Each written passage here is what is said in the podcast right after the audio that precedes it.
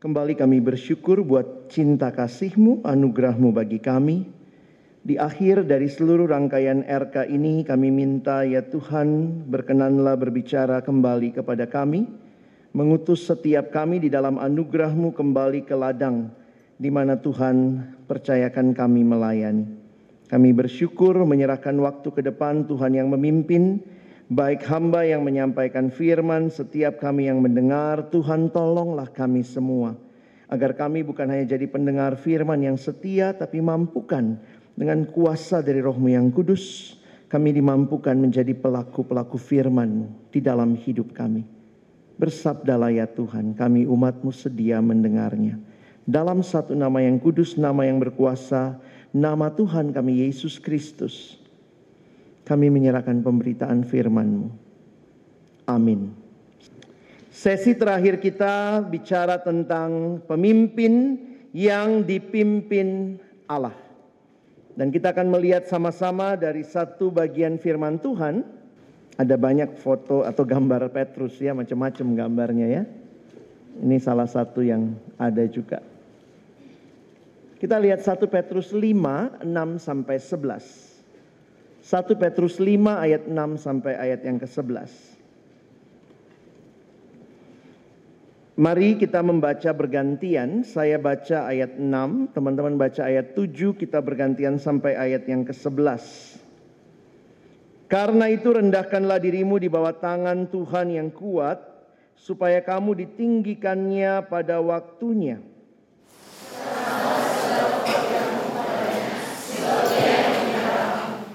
Sadarlah dan berjaga-jagalah. Lawanmu, si iblis, berjalan keliling sama seperti singa yang mengaum-ngaum dan mencari orang yang dapat ditelannya.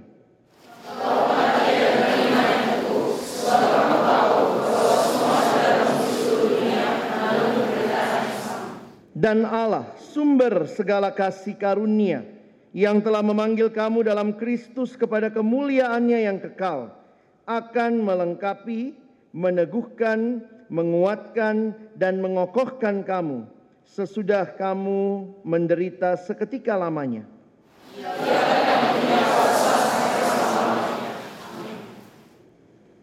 Saudara yang dikasihi Tuhan, surat 1 Petrus ditulis Paulus kira-kira tahun 64 sampai 65. Kira-kira tahun-tahun seperti itu. Berarti dari Yesus naik ke surga kira-kira tahun 33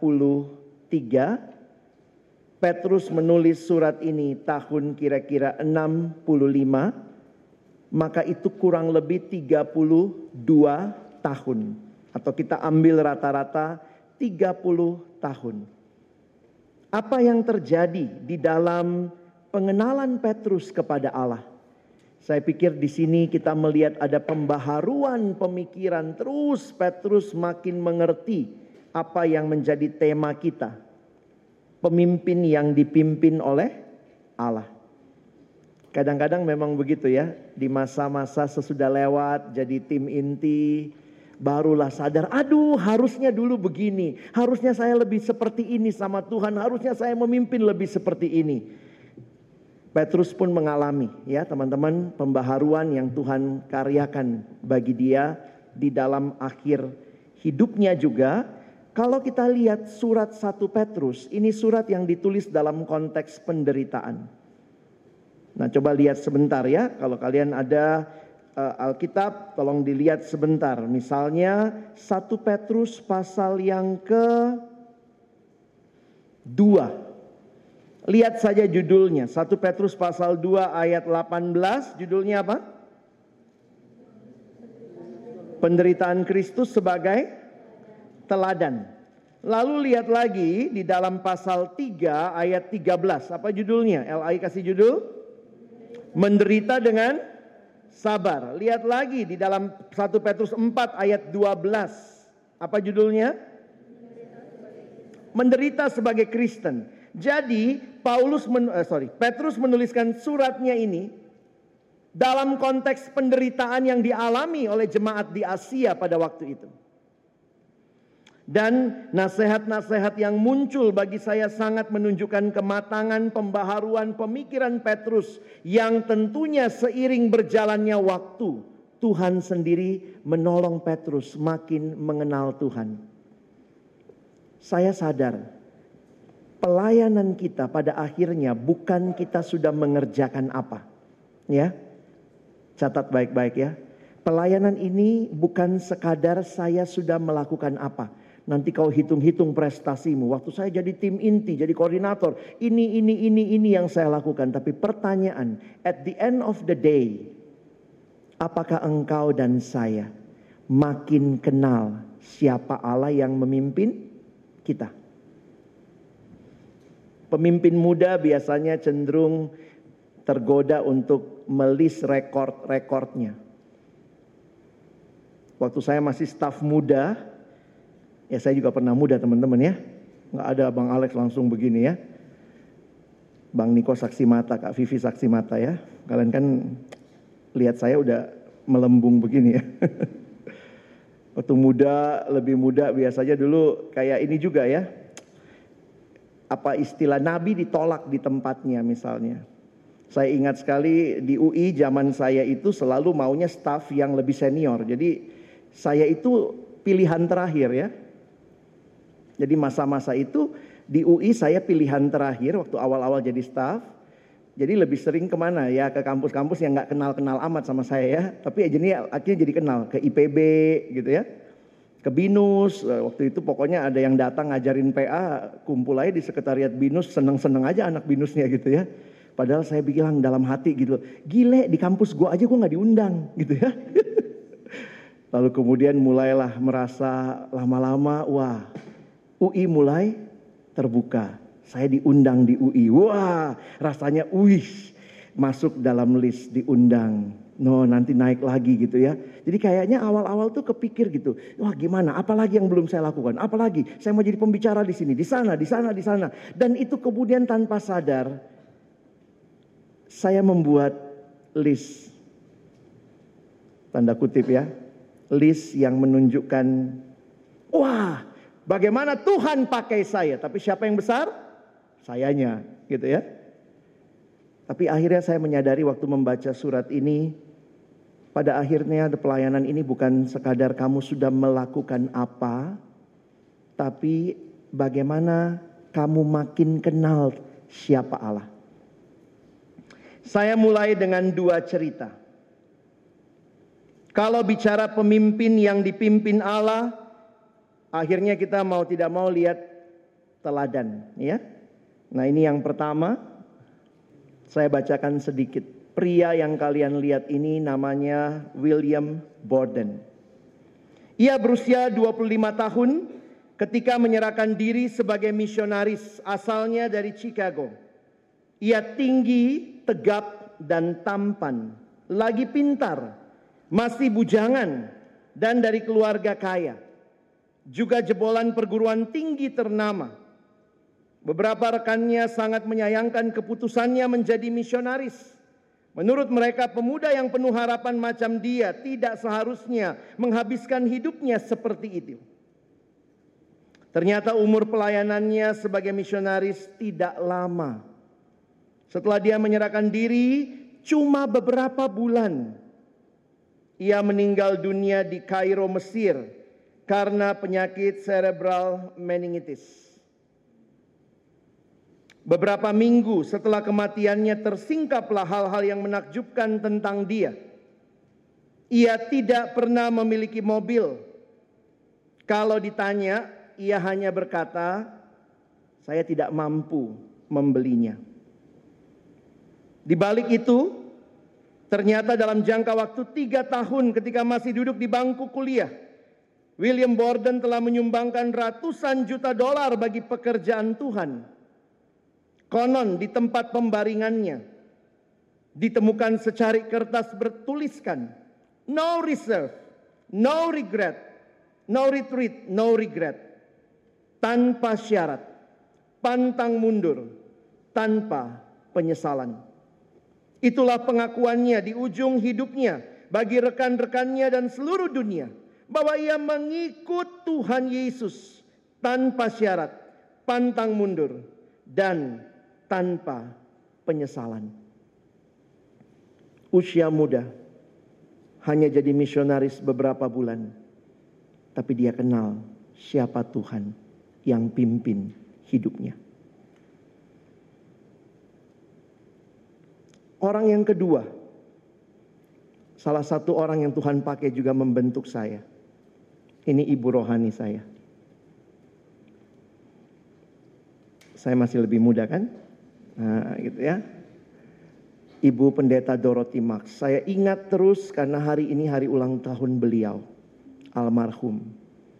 Dia lahir, saya baca sedikit ya. Dia lahir di München, Jerman pada tanggal 16 Februari 1923. Kalau dia masih hidup sekarang umurnya 97 tahun. Dia meninggal dua tahun yang lalu di usia 95 tahun perempuan single ini. Semasa hidupnya adalah teladan iman. Mungkin bagi kami, generasi-generasi kami yang sering ke kampus beliau ini. Ibu tinggal di Bandung, pelayanan sering kali di kampus UI. Dulu belum ada tol. Bandung, Jakarta, 4 jam pergi. 4 jam pulang. Khotbah di kampus 40 menit. Ibu sering kali lewat karena khotbahnya biasanya panjang. Tapi kita senang dengernya. Kita kasih kertas dia nggak turun juga. saya ingat ya. Beberapa kali ibu bilang, saya akan bahas empat poin. Sudah 45 menit baru poin satu. Aduh saya ingat kalau ibu lalu kemudian kita kasih kertas dia oh karena dia orang bule lalu dia belajar bahasa Indonesia saya baca beberapa hal tentang hidupnya. Semasa hidup beliau adalah teladan iman. Rohaniawan dari OMF melalui misionaris OMF yang melayani di Indonesia sejak 1957. Pendeta wanita pertama GKI Jabar sejak tahun 1966. Pendidik di berbagai perguruan tinggi. Dia dosen etika agama di ITB. Dia juga dosen agama di FMIPA UI pada masa itu jadi memang sering ke Jakarta juga begitu ya. Dia pernah menjadi rektor STT Bandung dan uh, itu beberapa hal yang beliau lakukan. Dia ya mengajar di sekolah teologi di Bandung, Jakarta dan Jawa Barat, memimpin paduan suara, merintis pelayanan penjara di Bandung dan juga merintis pelayanan mahasiswa Perkantas Bandung yang namanya Open House. Itu awalnya dari dia open her house. Makanya kalau di Bandung namanya itu open house ya. Khususnya bagi mahasiswa dan berbagai gereja di Indonesia. Tokoh etika terkemuka dan ibu secara rohani yang tegas, tulus, disiplin dan penuh cinta kasih. Karena cintanya untuk Indonesia, ia memilih menjadi warga negara Indonesia dan meninggalkan kewarganegaraan Inggris. Kesaksian hidup dan pelayanan Ibu Doroti merupakan mujizat Tuhan Yesus yang mengubahkan hidup banyak orang, khususnya di kalangan mahasiswa Indonesia. Demikian sejarah mencatat Ibu. Dan apa yang saya kagumi dari beliau? Kedekatannya dengan Tuhan. Teman-teman ini orang yang ah, luar biasa lah. Mengenal beliau, khotbahnya menarik dengan banyak singkatan jadi kita gampang ingat khotbahnya karena beliau bikin singkatan gitu ya. Saya ingat kalau dia nyingkat-nyingkat gitu ya. Hati-hati kamu. Kamu jangan-jangan jadi Sutisno. Suka tulisan porno. Sumarno suka majalah porno gitu ya. Kalau dia ngomong hati-hati kalau marah. Ada dua macam marah. Satu marah panas. Marah panas itu lamadak ceretus. Ada marah dingin. Malanggis, saya masih ingat semua tuh. Marah dingin, malanggis, apa itu? Marah lama, nggak habis-habis. Tapi ada orang yang marah panas, marah panas, lama dak ceretus. Langsung marah meledak, cepat ribut meletus. Jadi ibu kalau bikin singkatan itu keinget loh kita ya. Hati-hati kamu yang dari sekarang juplop apa jutek, kamu nanti gedenya juplop. Maju dengan nyontek, gedenya maju dengan amplop. Saya bersyukur lah ya generasi kami dibina banyak oleh beliau mendengarkan khotbah-khotbah beliau termasuk paling sering di Kinasi ini. Ya, beberapa kali camp di Kinasi menikmati. Saya melihat Tuhan nyata sekali. Kalau William Borden saya baca sejarah hidupnya. Tapi ibu menjadi salah satu saksi, kesaksian yang nyata dari bagaimana Tuhan memimpin kehidupan. Kita bisa bicara banyak lagi orang-orang yang kita bisa berikan sebagai gambaran orang-orang yang dipakai Tuhan. Tapi kembali lagi, kunci pelayanan bukan apa yang kau dan saya capai, tapi siapa Tuhan yang makin kau kenal di dalam hidup dan pelayananmu. Petrus makin kenal Tuhan. Di dalam bagian akhir dalam kitab 1 Petrus. Fokusnya begitu Christ centered, begitu God centered. Saudara lihat beberapa hal Petrus katakan begini ya. Karena itu rendahkanlah dirimu di bawah tangan Tuhan yang kuat. Sebenarnya tidak bisa terlepas karena kalau kalian lihat di sini pakai kata karena itu. Bagian sebelumnya Petrus menyuruh jemaat kamu saling rendahkanlah dirimu satu dengan yang lain. Tetapi sekarang dia masuk lebih jauh lagi tentang di bawah tangan Tuhan yang kuat supaya kamu ditinggikan pada waktunya. Apa aplikasinya? Bagaimana cara merendahkan diri di bawah tangan Tuhan yang kuat? Para penafsir kaitkan dengan ayat berikutnya merendahkan diri di bawah tangan Tuhan yang kuat berarti ada humility, ada hati yang merendahkan hati, betul-betul bergantung kepada Tuhan. Apa artinya bergantung kepada Tuhan? Menyerahkan segala kekhawatiranmu kepadanya. Kalau kita lihat konteksnya, nampaknya Petrus masih kaitkan ini dengan nasihat untuk para penatua di dalam jemaat. Karena itu ada satu penafsir mengatakan begini, Mungkin waktu dia menjadi penatua, orang-orang yang baca surat ini para penatua, di dalam penderitaan lalu kemudian Petrus bilang, kamu harus gembalakan kawanan domba Allah. Muncul mungkin pikiran, ya ampun, saya pun juga lagi banyak kebutuhan. Ini pun lagi masa penderitaan, kenapa harus perhatiin orang? Ada yang bilang gitu ya, ngapain perhatiin orang lain, perhatiin dirimu sendiri. Tapi kemudian Petrus berkata, rendahkan dirimu di bawah tangan Tuhan yang kuat. Serahkan khawatirmu kepada Tuhan. Kalau engkau menyerahkan khawatirmu kepada Tuhan, memang waktu kau melayani orang lain, mungkin kau tanya, siapa yang melayani aku? Engkau nikmati pelayanan Tuhan. Karena itu kau bisa melayani orang lain. Saya makin menikmati prinsip-prinsip seperti ini ya. Jangan pernah berpikir waktu melayani kita hanya kehilangan sesuatu. Banyak hal yang Tuhan sanggup tambahkan. When you cast your burden upon him. Kadang-kadang kita mikir kayaknya melayani ini diri kita selalu paling belakang, selalu paling belakang. Orang lain lebih dulu, orang lain lebih dulu. Sehingga mungkin para pelayan Tuhan, koordinator banyak yang kesepian. Banyak yang stres di akhir kepengurusan. Kayaknya saya dituntut harus saya, harus saya. Kuncinya adalah rendahkanlah dirimu di bawah tangan Tuhan yang kuat. Serahkan khawatirmu kepada Tuhan ini memang pengalaman rohani. Kadang-kadang nggak bisa dihotbahkan. Makanya saya lebih senang pakai contoh, pakai cerita hidup. Contoh saya belum tentu berlaku buat kalian semua, tapi ini contoh di dalam zaman saya dengan kondisi saya. Saya memilih jadi pengurus di UI, dan waktu itu saya harus memilih antara ikut paduan suara kampus yang bergengsi atau ikut pengurus pengurus jadi PKK lagi. Jadi waktu itu memang pergumulan gitu ya. Lalu kemudian masa saya anak fisip ditakut-takutin tanda kutip. Mau pasar bebas. Sehingga hampir semua teman saya ngambil kuliah atau ngambil les bahasa asing. Ngambil les bahasa asing karena katanya kalau pasar bebas, pasar global nggak punya kemampuan bahasa asing lewat kamu.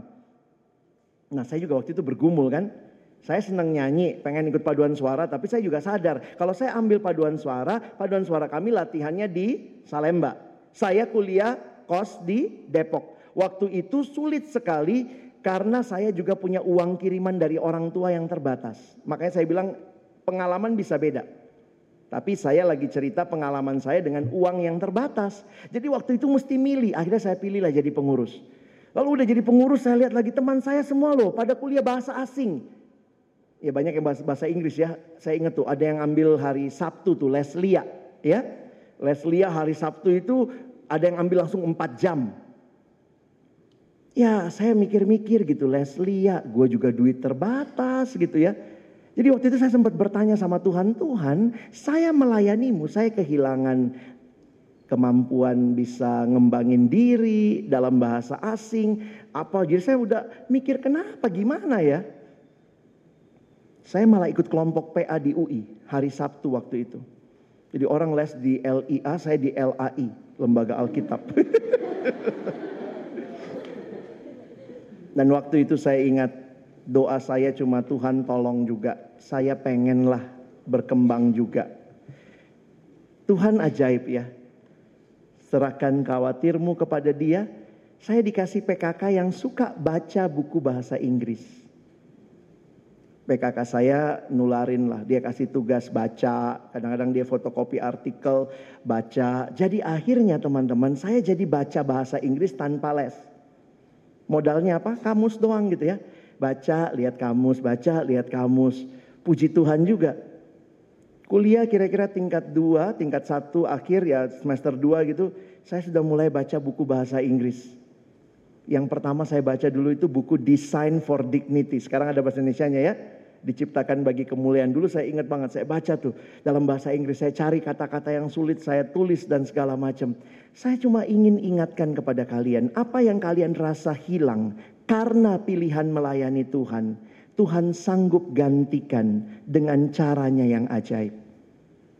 Tentu ada usaha kita. Saya nggak tiba-tiba langsung bisa bahasa Inggris ya, jago, pinter gitu ya, enggak ya. Kadang-kadang kalau saya mikir, wow teman-teman saya kuliah, les lagi, dia punya duit untuk bayar itu, saya nggak sempat. Uang saya banyak habis di pelayanan, banyak habis beli buku rohani. Saya kemudian mimpin kelompok kecil, ah kakak dikasih kado ulang tahun, kita ulang tahun dia lupa gitu ya. Kadang-kadang gitu ya. Tapi saya mau bersaksi di sini. Apa yang kau pernah rasa hilang ketika kau melayani, kau sisihkan, Tuhan sanggup tambahkan dengan caranya. Ya bertahun-tahun kemudian Tuhan jawab doa lah ya. Ya salah satunya saya bisa studi di Inggris. Saya S2 di Inggris. Dulunya nggak sempat ikut les, lihat. Nggak ikut les Lia bisa ke Inggris? Bisa. Ada contohnya? Nih. Puji Tuhan saya bisa bayar les Lia. Kamu bilang, bang saya bisa bayar les Lia. Puji Tuhan artinya lebih baik lagi. Tapi apa yang kau sedang sacrifice? Ada orang yang studi minded. Banyak koordinator juga studi minded. Karena memang ya saya jujurly speaking ya. Orang tua kita kan nggak lihat pelayanan kita. Ih bagus sekali pelayananmu nak. Lihatnya IP-mu. Pelayananmu bagus, IP-nya jelek. Karena itu saya terus ingatkan diri bahwa selalu ketika berjuang Tuhan ada yang nampaknya hilang tapi Tuhan sanggup gantikan. Serahkan segala khawatirmu kepada dia. Teman-teman yang mengutus engkau sore hari ini adalah Tuhan sendiri. Biarlah firman-firman Tuhan, janji-janjinya meneguhkan hatimu. Saya tidak ikut pulang ke rumahmu. Abang kakak staf nggak ikut pulang ke rumahmu. Kami tidak sanggup menjaga kamu 24 jam. Tapi ketika engkau ada di tangan Allah yang kuat itu, Allah yang berjanji, Allah yang menggenapkan janjinya. Bukan hanya itu. Petrus mengingatkan jemaat, mengingatkan pemimpin-pemimpin di masanya. Sebuah realita lain tentang peperangan rohani. Perhatikan ayat berikutnya. Sadarlah dan berjaga-jagalah jadi maksudnya buka matamu lebar-lebar. Ya. Berjaga-jagalah lawanmu si iblis. Berjalan keliling sama seperti singa yang mengaum-ngaum dan mencari orang yang dapat ditelannya. Pelayanan kita, kehidupan rohani kita bukan semata-mata sebuah kehidupan biasa. This is a spiritual battle. Karena itu saya ingat kalimat Billy Graham dia mengatakan bahwa Tuhan tidak memanggil engkau dan saya masuk ke taman bermain. God is not calling us into a playground. But he called us into a battleground. Dia panggil kita masuk dalam peperangan rohani, sadar, berjaga-jagalah. Lawan musuh iblis berjalan keliling sama seperti singa yang mengaum-ngaum. Iblis itu bahasa Yunaninya, ada yang tahu iblis bahasa Yunaninya? Diabolos. itu bahasa Inggris ya, diabolos. Ya, kalau kalian lihat diablo, diabolos, nah itu iblis ya. Nah, apa bedanya iblis sama setan? Hmm, banyak anak Tuhan nggak ngerti. Iblis bedanya sama setan? Satu I, satu S. Nenek-nenek juga tahu. Apa bedanya iblis sama setan?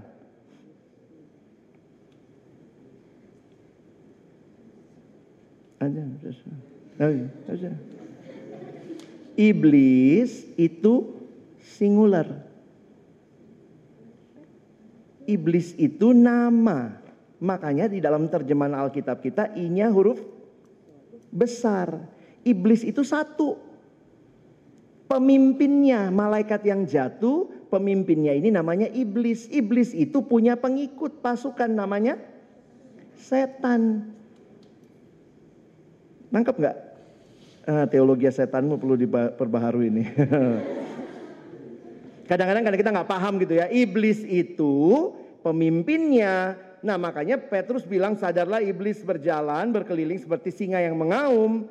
Tapi juga dia banyak pengikutnya, ada banyak malaikat juga yang ikut pro sama dia namanya setan. Makanya lihat di dalam Alkitab setan biasanya bentuknya plural. Ini nggak pernah baca kamus di belakang nih. Ada kamus Alkitab kan nanti pulang baca ya, iblis. Lalu ada setan. Nanti kamu lihat aku yang mana gitu ya. Enggak, beda lah. Kamu anak Tuhan dong, ya.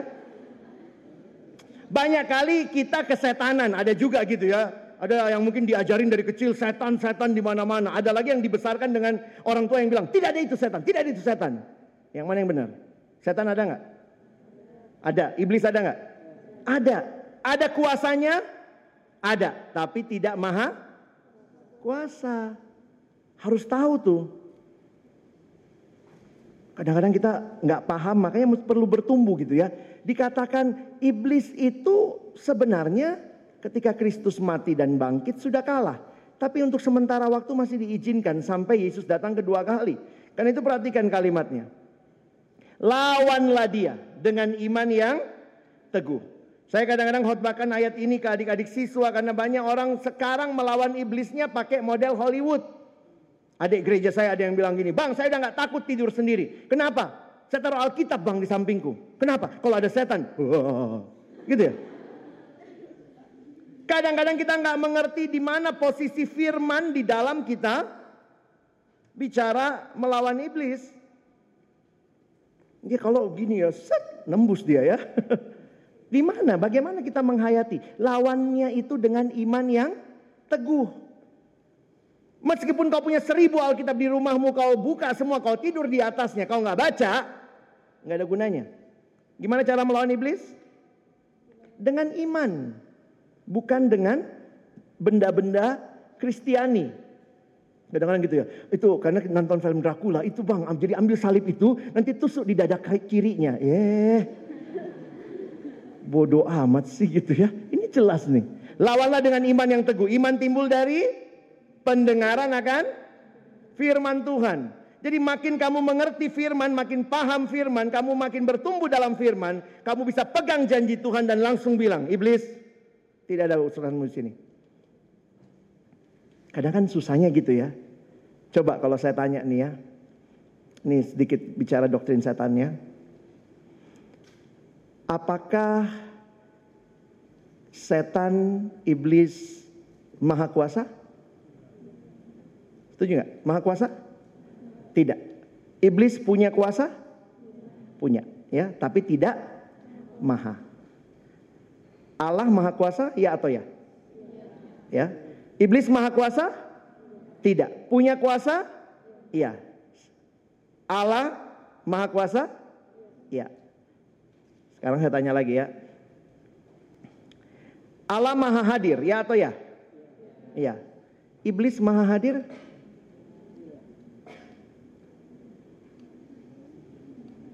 Nah, jangan lihat sebelahmu ini ada bang. Iblis maha hadir nggak? Iya, iblis maha hadir nggak? Iya. Dia hadir di mana-mana, berarti maha nggak?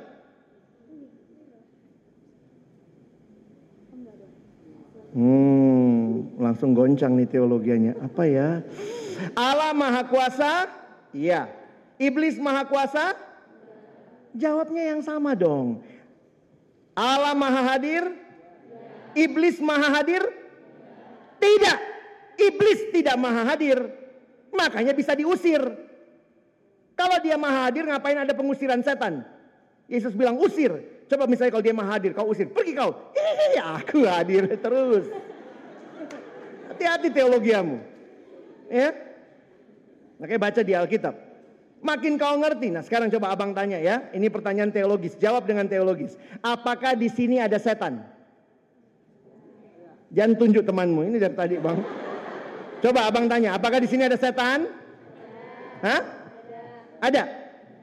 Eh, kok tahu? Temannya ya? Apakah di sini ada setan? Ada. Kurang teologis jawabmu. Apakah di sini ada setan? Enggak. Kenapa berani memastikan? Tidak.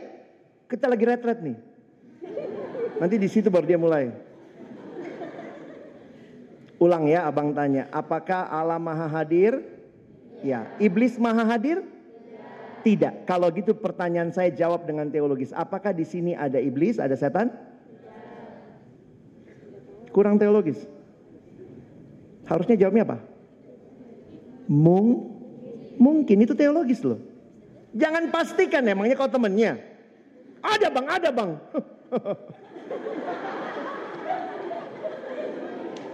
Apakah di sini ada setan? Mung, mungkin. Apakah di sini ada Allah? Pasti. Gitu dong teologi kita. Jangan memastikan yang kau nggak yakin pasti. Tapi itulah gilanya manusia ya. Waktu malam-malam ke toilet lebih takut sama yang mungkin ada daripada yang pasti ada. Waktu ke toilet, iya ada setan, ada setan. Nah, tambah takut kau, kau kesetanan. Setan itu nggak mesti bergerak gerilya karena kau udah ketakutan. Makanya kalau teologiamu benar, kau tidak takut lagi. Kalau ke WC malam-malam, jangan pegang yang nggak pasti ada. Pegang yang pasti ada ke toilet dalam nama Yesus, dalam nama Yesus ada kemenangan. Gitu dong ya. Oh hati-hati loh, banyak anak orang Kristen kesetanan. Apa-apa setan, apa-apa setan. Karena nggak ngerti. Nah ini Paulus, eh, Paulus, Petrus bilang gitu, lawanlah. Dan ini realita yang dihadapi oleh semua umat Kristen di seluruh dunia. Dan perhatikan lebih jauh di sini kalimat yang indah dia katakan Allah sumber segala kasih karunia. Kasih karunia atau disebut anugerah. Bahasa Inggrisnya grace telah memanggil kamu dalam Kristus kepada kemuliaannya yang kekal. Panggilan kita bukan sementara tapi kekal akan melengkapi, meneguhkan, menguatkan, mengokohkan kamu meskipun realitanya jemaat mengalami penderitaan. Saya dapat gambar ini kemarin ya. When you run alone, it's called race. When God runs with you, it's called grace. Sadarkah waktu pulang nanti kami tidak ikut pulang sama kalian panitia juga nggak ada panitia yang ikut pulang sama kamu meskipun kau udah doain berapa hari ini nggak ikut pulang yang pulang sama kamu adalah Allah yang hidup itu yang akan memimpin langkahmu Penderitaan ada? Ada. Tapi Tuhan tidak berjanji hidup tanpa penderitaan. Dia menjanjikan penyertaannya yang sempurna, kehadirannya, menguatkan, melengkapi, meneguhkan, menguatkan, mengokohkan. Banyak orang berhenti ayatnya sampai di sini ya. Memang juga beberapa kali saya karena sudah pendeta pakai ayat ini untuk memberkati ya. Tapi kan serem juga ada orang nggak mau dengar belakangnya ya. Dan Allah sumber segala kasih karunia akan melengkapi, meneguhkan, menguatkan, mengokohkan kamu sampai selama-lamanya. Pendeta banyak potong di situ ya. Dia lupa baca penderitaannya. Karena kalau dia baca begitu langsung semua, ih kok gitu di pasu-pasunya. Kok pakai penderitaan? Ngeri kali pendeta ini gitu ya. Padahal ayat ini, jadi saya makin menikmati. Kehadiran Allah bukan membuat tidak ada penderitaan. Kehadiran Allah memastikan bahwa engkau dilengkapi, diteguhkan, dikuatkan, dikokohkan. Dan karena itu mari belajar melihat pemimpin adalah orang yang mempraktekkan kehadiran Tuhan. Kalau kau pulang punya pengurus yang sulit kadang-kadang begitu ya. Tuhan izinkan kita punya pengurus yang susah banget. Ngelihat dia pun kita udah eh, gitu ya. Kau punya Allah yang menguatkan kamu. Kadang-kadang bermasalah dengan pelayanan di kampus, sulit mungkin birokrasi di kampusmu. Mungkin juga engkau mengalami kesulitan pribadi karena orang tua yang tidak mengerti pelayanan. Mungkin karena engkau habis uang karena harus melayani. Kamu kos, kamu harus berkorban begitu rupa. Saya tidak tahu penderitaan apa yang Tuhan izinkan kamu alami. Tapi ingatlah, praktekkan Allah adalah Allah yang hadir Segala sesuatu yang dialami dihubungkan dengan hal yang rohani. Seringkali ketika ada pergumulan terjadi, saya pun harus menyadari ini bukan sekadar sebuah pergumulan biasa. Tapi jangan-jangan ini peperangan rohani. Beberapa kali kalau mau melayani bagi kami hamba-hamba Tuhan itu kadang nggak mudah ya. Tiba-tiba mungkin jatuh sakit, kalau enggak bukan kita yang sakit, orang di rumah kita, keluarga kita udah mesti jalan. Kadang-kadang saya pikir Tuhan ini peperangan rohani. Karena itu kami dalam uh, grup biasanya ada beberapa kali minta saling mendoakan, tolong doakan saya akan pelayanan seperti ini dan seterusnya. Pemimpin yang menjadikan Tuhan sebagai pusat hidupnya. Tuhan pusat hidupnya itu apa? C.S. Lewis kasih keterangan begini. Berarti setiap tindakan dan perasaan, setiap pengalaman, entah itu menyenangkan atau tidak, harus dihubungkan dengan Tuhan. Dan kalau betul-betul Tuhan jadi segalanya bagimu, inilah doksologinya terakhir dalam 1 Petrus 5 ayat 11. Petrus menaikkan segala puji hormat kuasa. Ialah yang empunya kuasa sampai selama-lamanya. Amin. Karena itu pemimpin rohani itu siapa teman-teman? Pemimpin rohani adalah pemimpin yang dipimpin Allah untuk memimpin sesama. Percayakah dia hadir dan menyertaimu? Dia mengutus teman-temanku kembali dalam hidupmu. Saya baru pulang dari camp mahasiswa Sumatera bagian selatan. Di sesi terakhir saya juga di sesi kedua saya sempat membagikan ya saya dapat kesempatan membahas Matius 10. Jadi memang bulan ini saya banyak bergumul dengan kitab Matius juga karena kalian ambil dari Matius, mereka juga dari Matius. Ada ayat ini ya, coba kita baca sama-sama. Satu dua ya. Bukankah burung pipit dijual dua ekor seduit, namun seekor pun daripadanya tidak akan jatuh ke bumi di luar kehendak Bapamu. Dan kamu rambut kepalamu pun terhitung semuanya, sebab itu janganlah kamu takut karena kamu lebih berharga daripada ada yang sempat hitung-hitung rambutnya tadi? Mungkin itu yang ini ya, yang rontok ya. Nanti atau mau coba kita mulai hitung rambut teman kita gitu. Kalau saya makin dikit nih, gampang hitungnya. Ada tiga jenis rambut di dunia.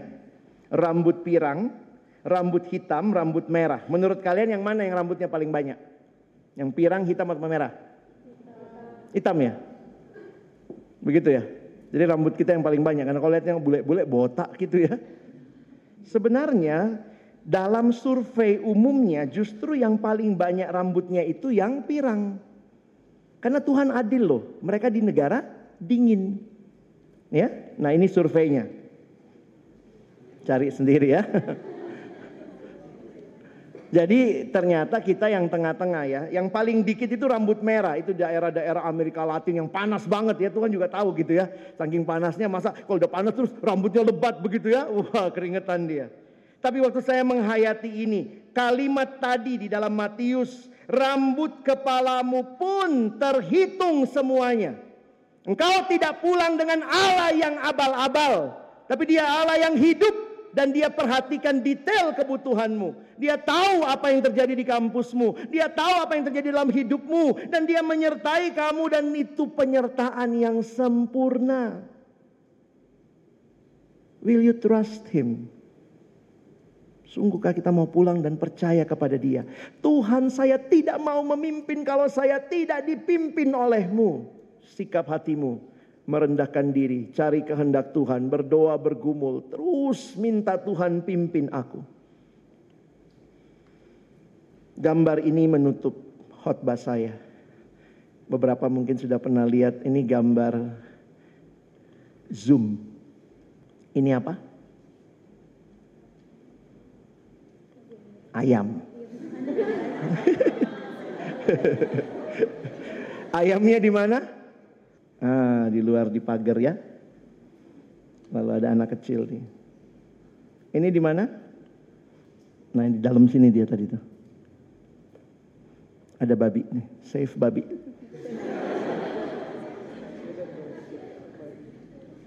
Ini di mana? Lagi ada mainan. Ini di mana?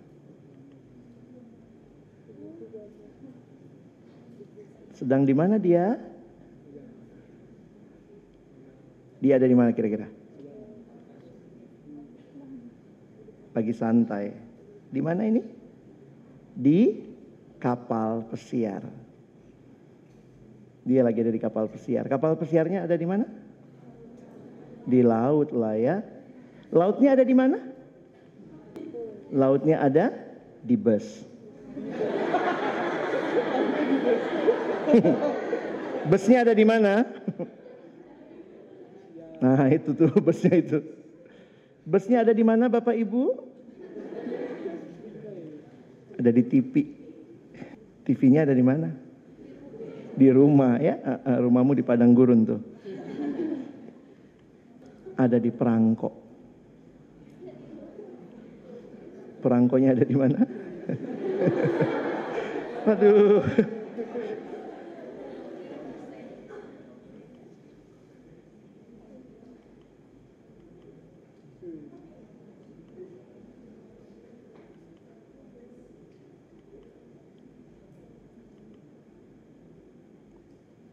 Tidak ada yang bisa perhatikan hidup kita sedetil Tuhan. Gambar ini saja membuat hati saya melihat betapa terbatasnya pengetahuan dan pengalaman kita. Allah yang memimpinmu, Allah yang peduli. Sampai rambut di kepalamu, dia tahu. Pulanglah bukan cuma mengakui engkau Mesias, anak Allah yang hidup pulang dan alami itu dalam engkau memimpin pelayanan di kampusmu. Saya simpulkan, Tuhan yang memanggil kita dalam pelayanan, Tuhan yang sama memperlengkapi kita untuk melayani, dan Tuhan yang sama menjanjikan penyertaannya di tengah-tengah tantangan yang kita hadapi. Kalimat dari Santo Agustinus menutup khotbah saya hari ini. Santo Agustinus berkata, Trust the past to God's mercy, the presence to God's love, and the future to God's providence. Providence artinya pemeliharaan Allah. Percayakanlah masa lalumu kepada anugerah kemurahan Allah, masa kini kepada kasihnya Allah, dan masa depan kepada pemeliharaannya yang sempurna. Di akhir dari seluruh rangkaian RK ini, izinkan saya menanyakan pertanyaan yang Tuhan Yesus tanyakan kepada engkau kembali. Pertanyaannya sederhana. Pulang kamu akan jadi gembala-gembala. Do you love me? Kalau engkau mengasihiku, feed my sheep. Indonesia menerjemahkannya gembalakanlah. Bahasa Inggrisnya sebenarnya berilah mereka makan. Feed my sheep. Dan hari ini biarlah Tuhan yang memeliharamu dengan sempurna. Mengutusmu jadi gembala bagi kawanan dombanya. To feed his sheep whatever it takes. Mari tunduk kepala. sama-sama kita menyanyikan lagu yang tadi kita sudah pelajari. Love this world through me, Lord, this world of broken men. Love this world through me, Lord. Love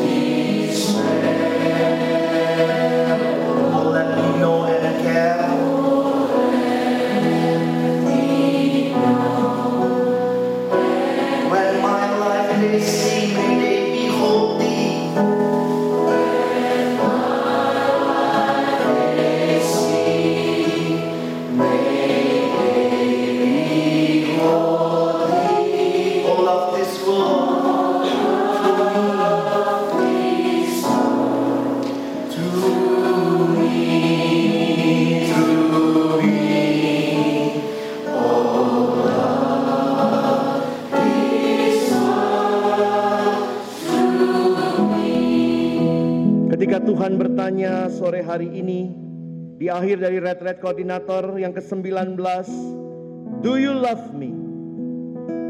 Petrus berkata, Ya Tuhan, kau tahu bahwa aku mengasihi engkau dan Tuhan berkata, Feed my sheep. Gembalakanlah domba-dombaku. Whatever it takes. Ambil waktu ini untuk berdoa di hadapan Tuhan.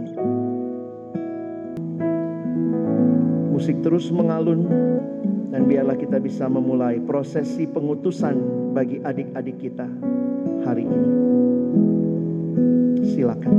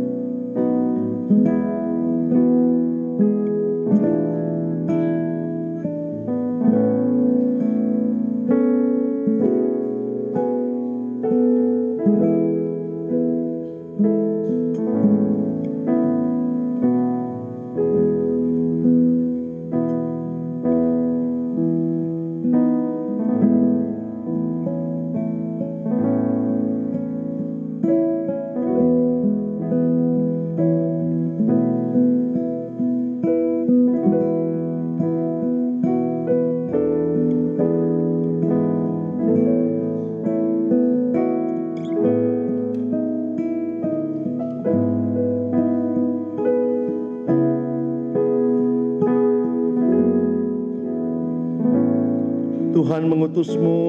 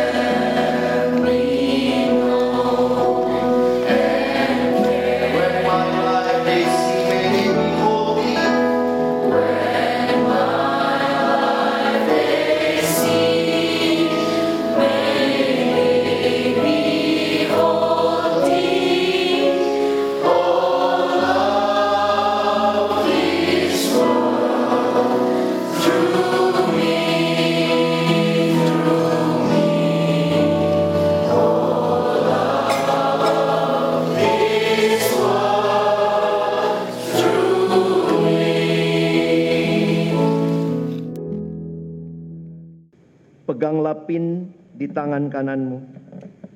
Angkat sebagai pernyataan engkau mau untuk menjadi gembala bagi kawanan domba milik Allah.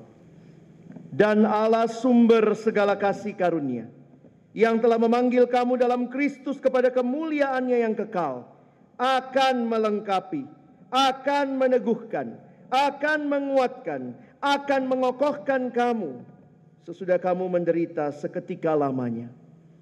Dia sanggup karena dia Allah yang hidup.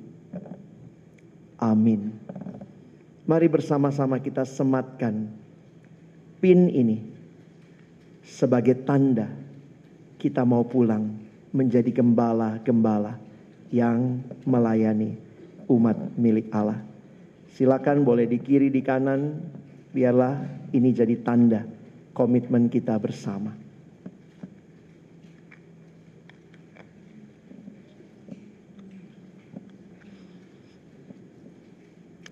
RK 19